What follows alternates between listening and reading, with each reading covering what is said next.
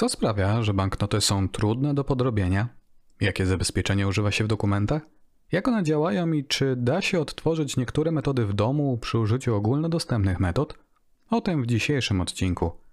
Dowiesz się nieco więcej o druku zabezpieczonym, czyli rodzaju druku, którego celem jest zabezpieczenie ważnych dokumentów. Jako bonus zobaczysz, jak odtworzyć niektóre zabezpieczenia w domu, oczywiście w nieco uproszczonej formie. Znak wodny to charakterystyczny obraz widzialny w świetle przechodzącym, czyli innymi słowy, kiedy przyjrzymy się mu pod światło.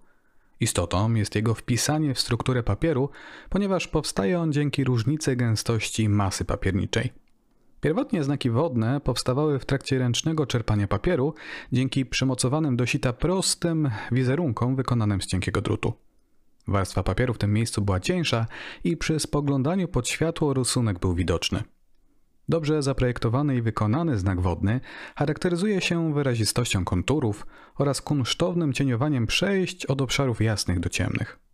Maszynowa produkcja papieru zmieniła technologię wykonywania znaków wodnych, które zaczęły być tłoczone maszynowo na stędze wilgotnego papieru przez blaszane ornamenty przymocowane do egutera. Pierwszą czynnością w produkcji jest przetransportowanie płaskiego znaku graficznego na płyty gipsowe. Kolejne etapy to przygotowanie form silikonowych oraz proces galwanoplastyki. Prowadzą one do przygotowania matrycy i kontrmatrycy znaku. Przy ich pomocy wzór jest tłoczony na metalowej siatce. Możesz stworzyć coś przypominającego znak wodny przy użyciu bardzo prostej techniki. Kartkę papieru zanurz w wodzie na kilka minut. Następnie wyciągnij go i nieco odsądź z nadmiaru płynu. Wilgotny papier połóż na równym stole, a następnie delikatnie wytrzyj papier ręcznikiem – Połóż suchą kartkę papieru na swój namoknięty arkusz, a następnie szybko zapisz swoją tajną wiadomość, odciskając ją przy użyciu długopisa. Pośpiesz się. Zbyt długie oczekiwanie sprawi, że górna kartka stanie się mokra i nic z tego nie wyjdzie. Gdy skończysz, zdejmij górną warstwę papieru i poczekaj do wyschnięcia kartki. Gdy kartka jest sucha, napis nie będzie widoczny. Aby go odsłonić, wystarczy, że zanurzysz kartkę w wodzie i przyjrzysz się jej pod światło. Masz więcej czasu? Możesz zabawić się w przygotowanie matrycy i wyprodukowanie własnego papieru czerpanego. Obecnie zamiast tworzyć wzór przy pomocy drutu, możesz wykorzystać drukarkę 3D. Na pewno trzymałeś w ręku banknot o dowolnym nominale. Ma on pewną strukturę, nie jest płaski jak papier w książce. To wszystko za sprawą druku wklęsłego. Wyobraź sobie deskę, w której zrobiłeś kilka dziur. Wzór, który wyrzeźbiłeś, zostanie odbity podczas druku. Jak to się dzieje? Całą formę pokrywa się farbą, po czym z miejsc niedrukujących jest ona zabierana raklem. Chodzi o to, aby farba została tylko w tych Twoich wygłębieniach, bo to one nas interesują. Następnie kartka papieru jest dociskana do formy przez ciężką rolkę i tak powstają wyżłobienia, które można wyczuć pod palcem. Możesz teraz pomyśleć, po co cała ta zabawa, wystarczy zeskanować wzór i wydrukować go na drukarce – na pozór będzie wyglądać bardzo podobnie, ale wystarczy spojrzeć na obraz pod lupą bądź pod mikroskopem. Na wydruku będziesz w stanie zauważyć kropki tuszu, które składają się na cały obraz. Fotograwiura to sposób druku starych zdjęć. Obraz przenosi się na metalową płytę i wytrawia za pomocą światłoczułej emulsji. Miejsca o różnej jasności tworzą różne zagłębienia. Jest to kosztowna technika, pojawiają się zatem podróbki, które można wykryć właśnie pod mikroskopem. W przypadku kolorowych wydruków sprawa jest jeszcze prostsza, bo tam widzimy kropki o różnych kolorach. Laserowy druk też jest do wykrycia. Pozostawia po sobie charakterystyczny osad, drobne mikrokropki po bokach. W domowych warunkach najprościej jest korzystać z plexi. Żobimy interesujący nas wzór, niestety będziesz potrzebował do tego jakiegoś ostrego narzędzia. Całość docinamy nożyczkami i nakładamy farbę. Nadmiaru możesz się pozbyć przy użyciu starych gazet. Delikatnymi okrągłymi ruchami usuń farbę, która znajduje się poza wyżłobieniami. Potem wystarczy już tylko docisnąć kartkę do pleksji, a jeśli masz dzieci, możesz stworzyć stemple z ziemniaków. Wprawdzie nie jest to druk wklęsły, no ale ile zabawy?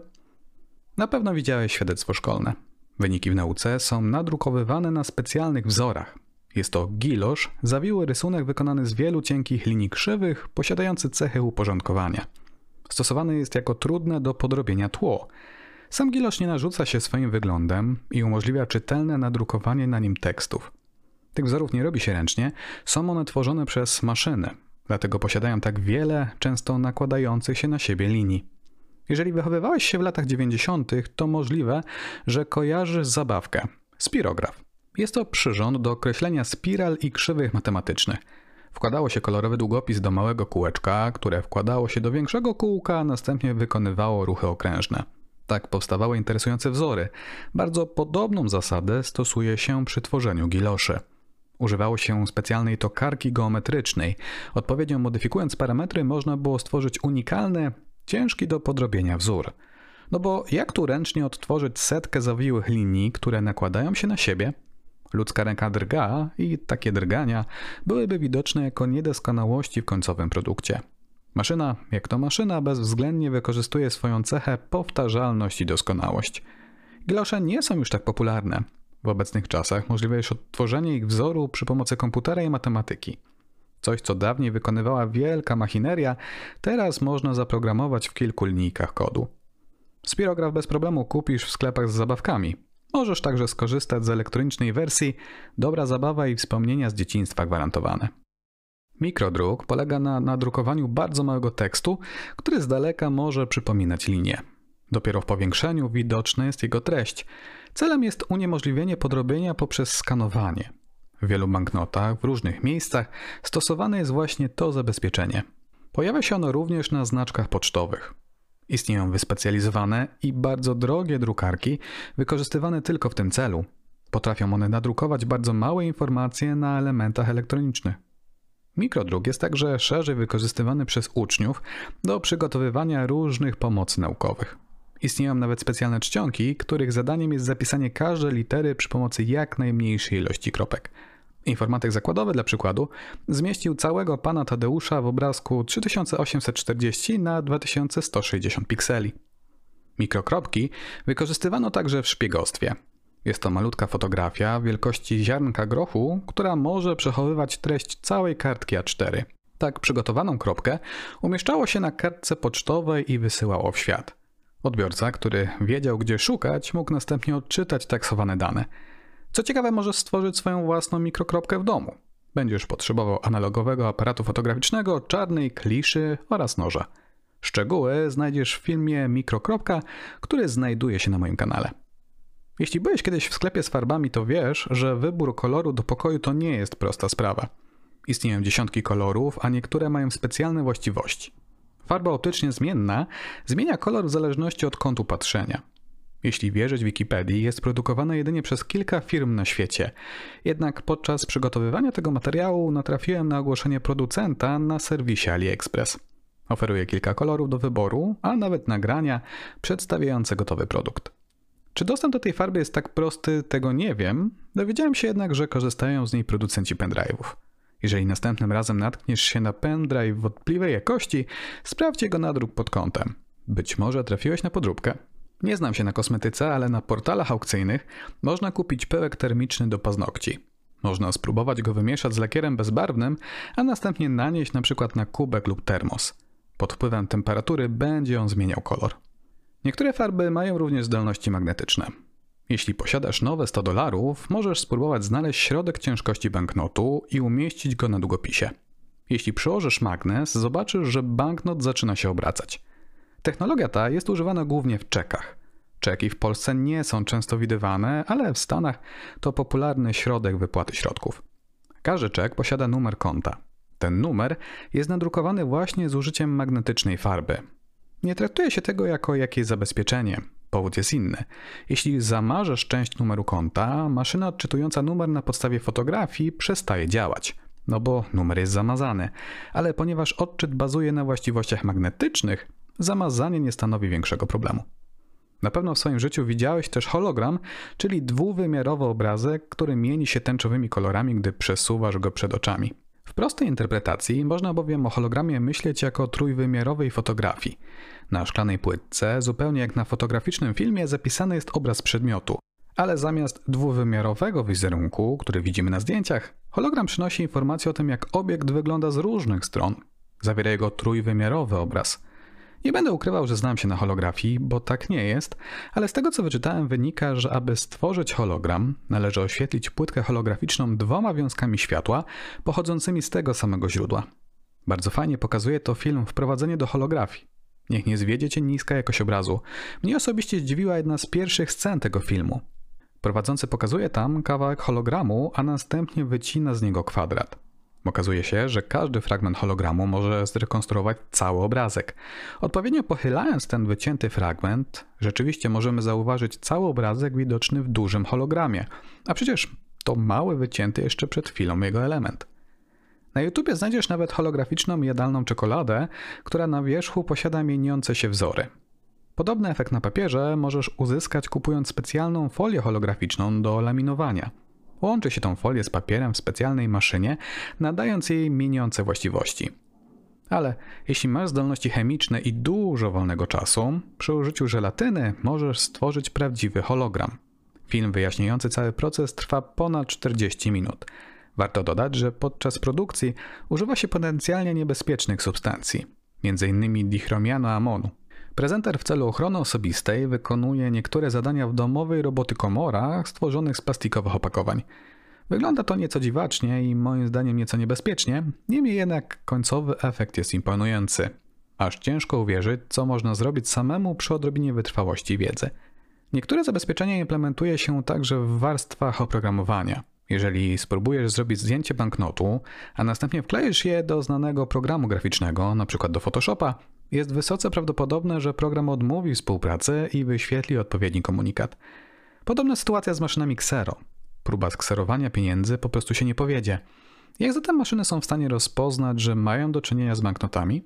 Jednym ze znanych sposobów jest użycie konstelacji Eurion. Jest to układ pięciu okręgów o rozmieszczeniu przypominającym konstelację Oriona. Halo Kacper, ale przecież na złotówkach nie ma takich oznaczeń. Są, są, tylko poukrywane. Nie mogą się rzucać tak bardzo w oczy jak na przykładowej grafice. Zazwyczaj są to po prostu kropki, których umieszczenie wygląda na losowe. No chyba, że połączy się sobie liniami. W zagranicznych walutach zastosowano kilka innych sztuczek. Konstelacja jest na przykład ułożona z nut albo z cyfr. Ale to nie jedyne metody, jakimi wykrywane są banknoty. Nie wszystkie z nich są jawne. Pewien badacz postanowił sprawdzić, jak mały fragment obrazu dalej jest rozpoznawany jako obraz banknotu. Każdy z tych różnokolorowych prostokątów był wykrywany przez program jako pieniądz, a przecież nie wszystkie fragmenty posiadają konstelację. Magia, prawda? Ale wracając jeszcze do tematu kserowania. Niektóre dokumenty są tajne i nie powinno się ich powielać. Teraz wystarczy komórka i już mamy kopię, ale kilkadziesiąt lat temu pozostawało manualne przepisywanie i ksero. Kserowanie nie jest jednak idealną techniką odwzorowywania. Szerzej opisywałem to w materiale, jak działały zabezpieczenia w starych grach. Stare maszyny bardzo słabo radziły sobie z kopiowaniem tekstu nadrukowanego na czerwonych kartkach. Niedoskonałość tą wykorzystano w tworzeniu specjalnych kart kodów, które były wymagane do uruchomienia gry. Ale jak pokazują patenty, można też stworzyć tzw. Tak void pantograf. Normalnie widoczny jest wzór, gdy jednak dokument zostanie skserowany, uwidacznia się napis. Dzięki temu wiadomo, że mamy do czynienia z kopią, a nie z oryginalnym dokumentem. W internecie można znaleźć przykładowe pliki graficzne, które podobno są w stanie odtworzyć ten efekt. Z jakim skutkiem? Tego nie wiem. Bo dobre zabezpieczenia nie zawsze są widoczne na pierwszy rzut oka. Spójrz na ten identyfikator. Z pozoru wygląda na normalny, ale gdy przyłożymy do niego specjalny kawałek plastiku, natychmiast uwidaczniają się ukryte symbole. Podobna technika od lat jest używana w niektórych amerykańskich znaczkach pocztowych.